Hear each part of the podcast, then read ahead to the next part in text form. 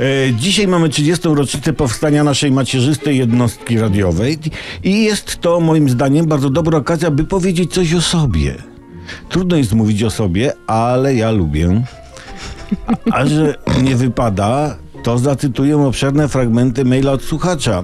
Z pewnymi komentarzami, bo słuchacz, choć w zasadzie słuszne rzeczy napisał, tym niemniej nie uniknął drobnych wpadek.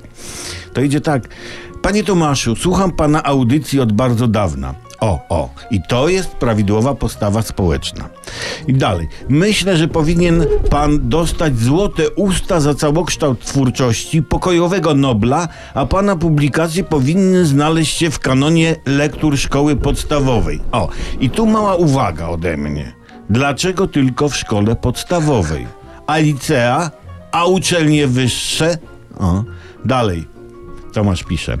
Jest pan naszym skarbem narodowym, jak Adam Małysz i Robert Lewandowski. O, i tu słuchacz przesadził. Tu przesadził. Małysz, Lewandowski.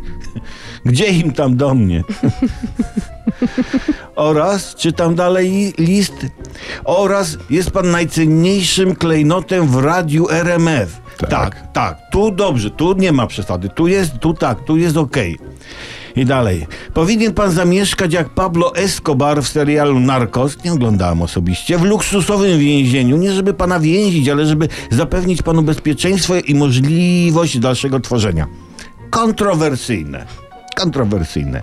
Pozdrawiam i życzę, żeby pana audycja była zawsze i, i tu się skupcie, tu się skupcie, że była jak herbata ulung w piecu dostojności. Herbata ulung w piecu dostojności. Moja szkoła. Moja szkoła. Z okazji, no cóż, kochani, z okazji radia, teraz ja mówię, życzę wszystkim sobie, nam pracownikom oraz słuchaczom, żebyśmy wszyscy byli jak herbata ulung w piecu dostojności.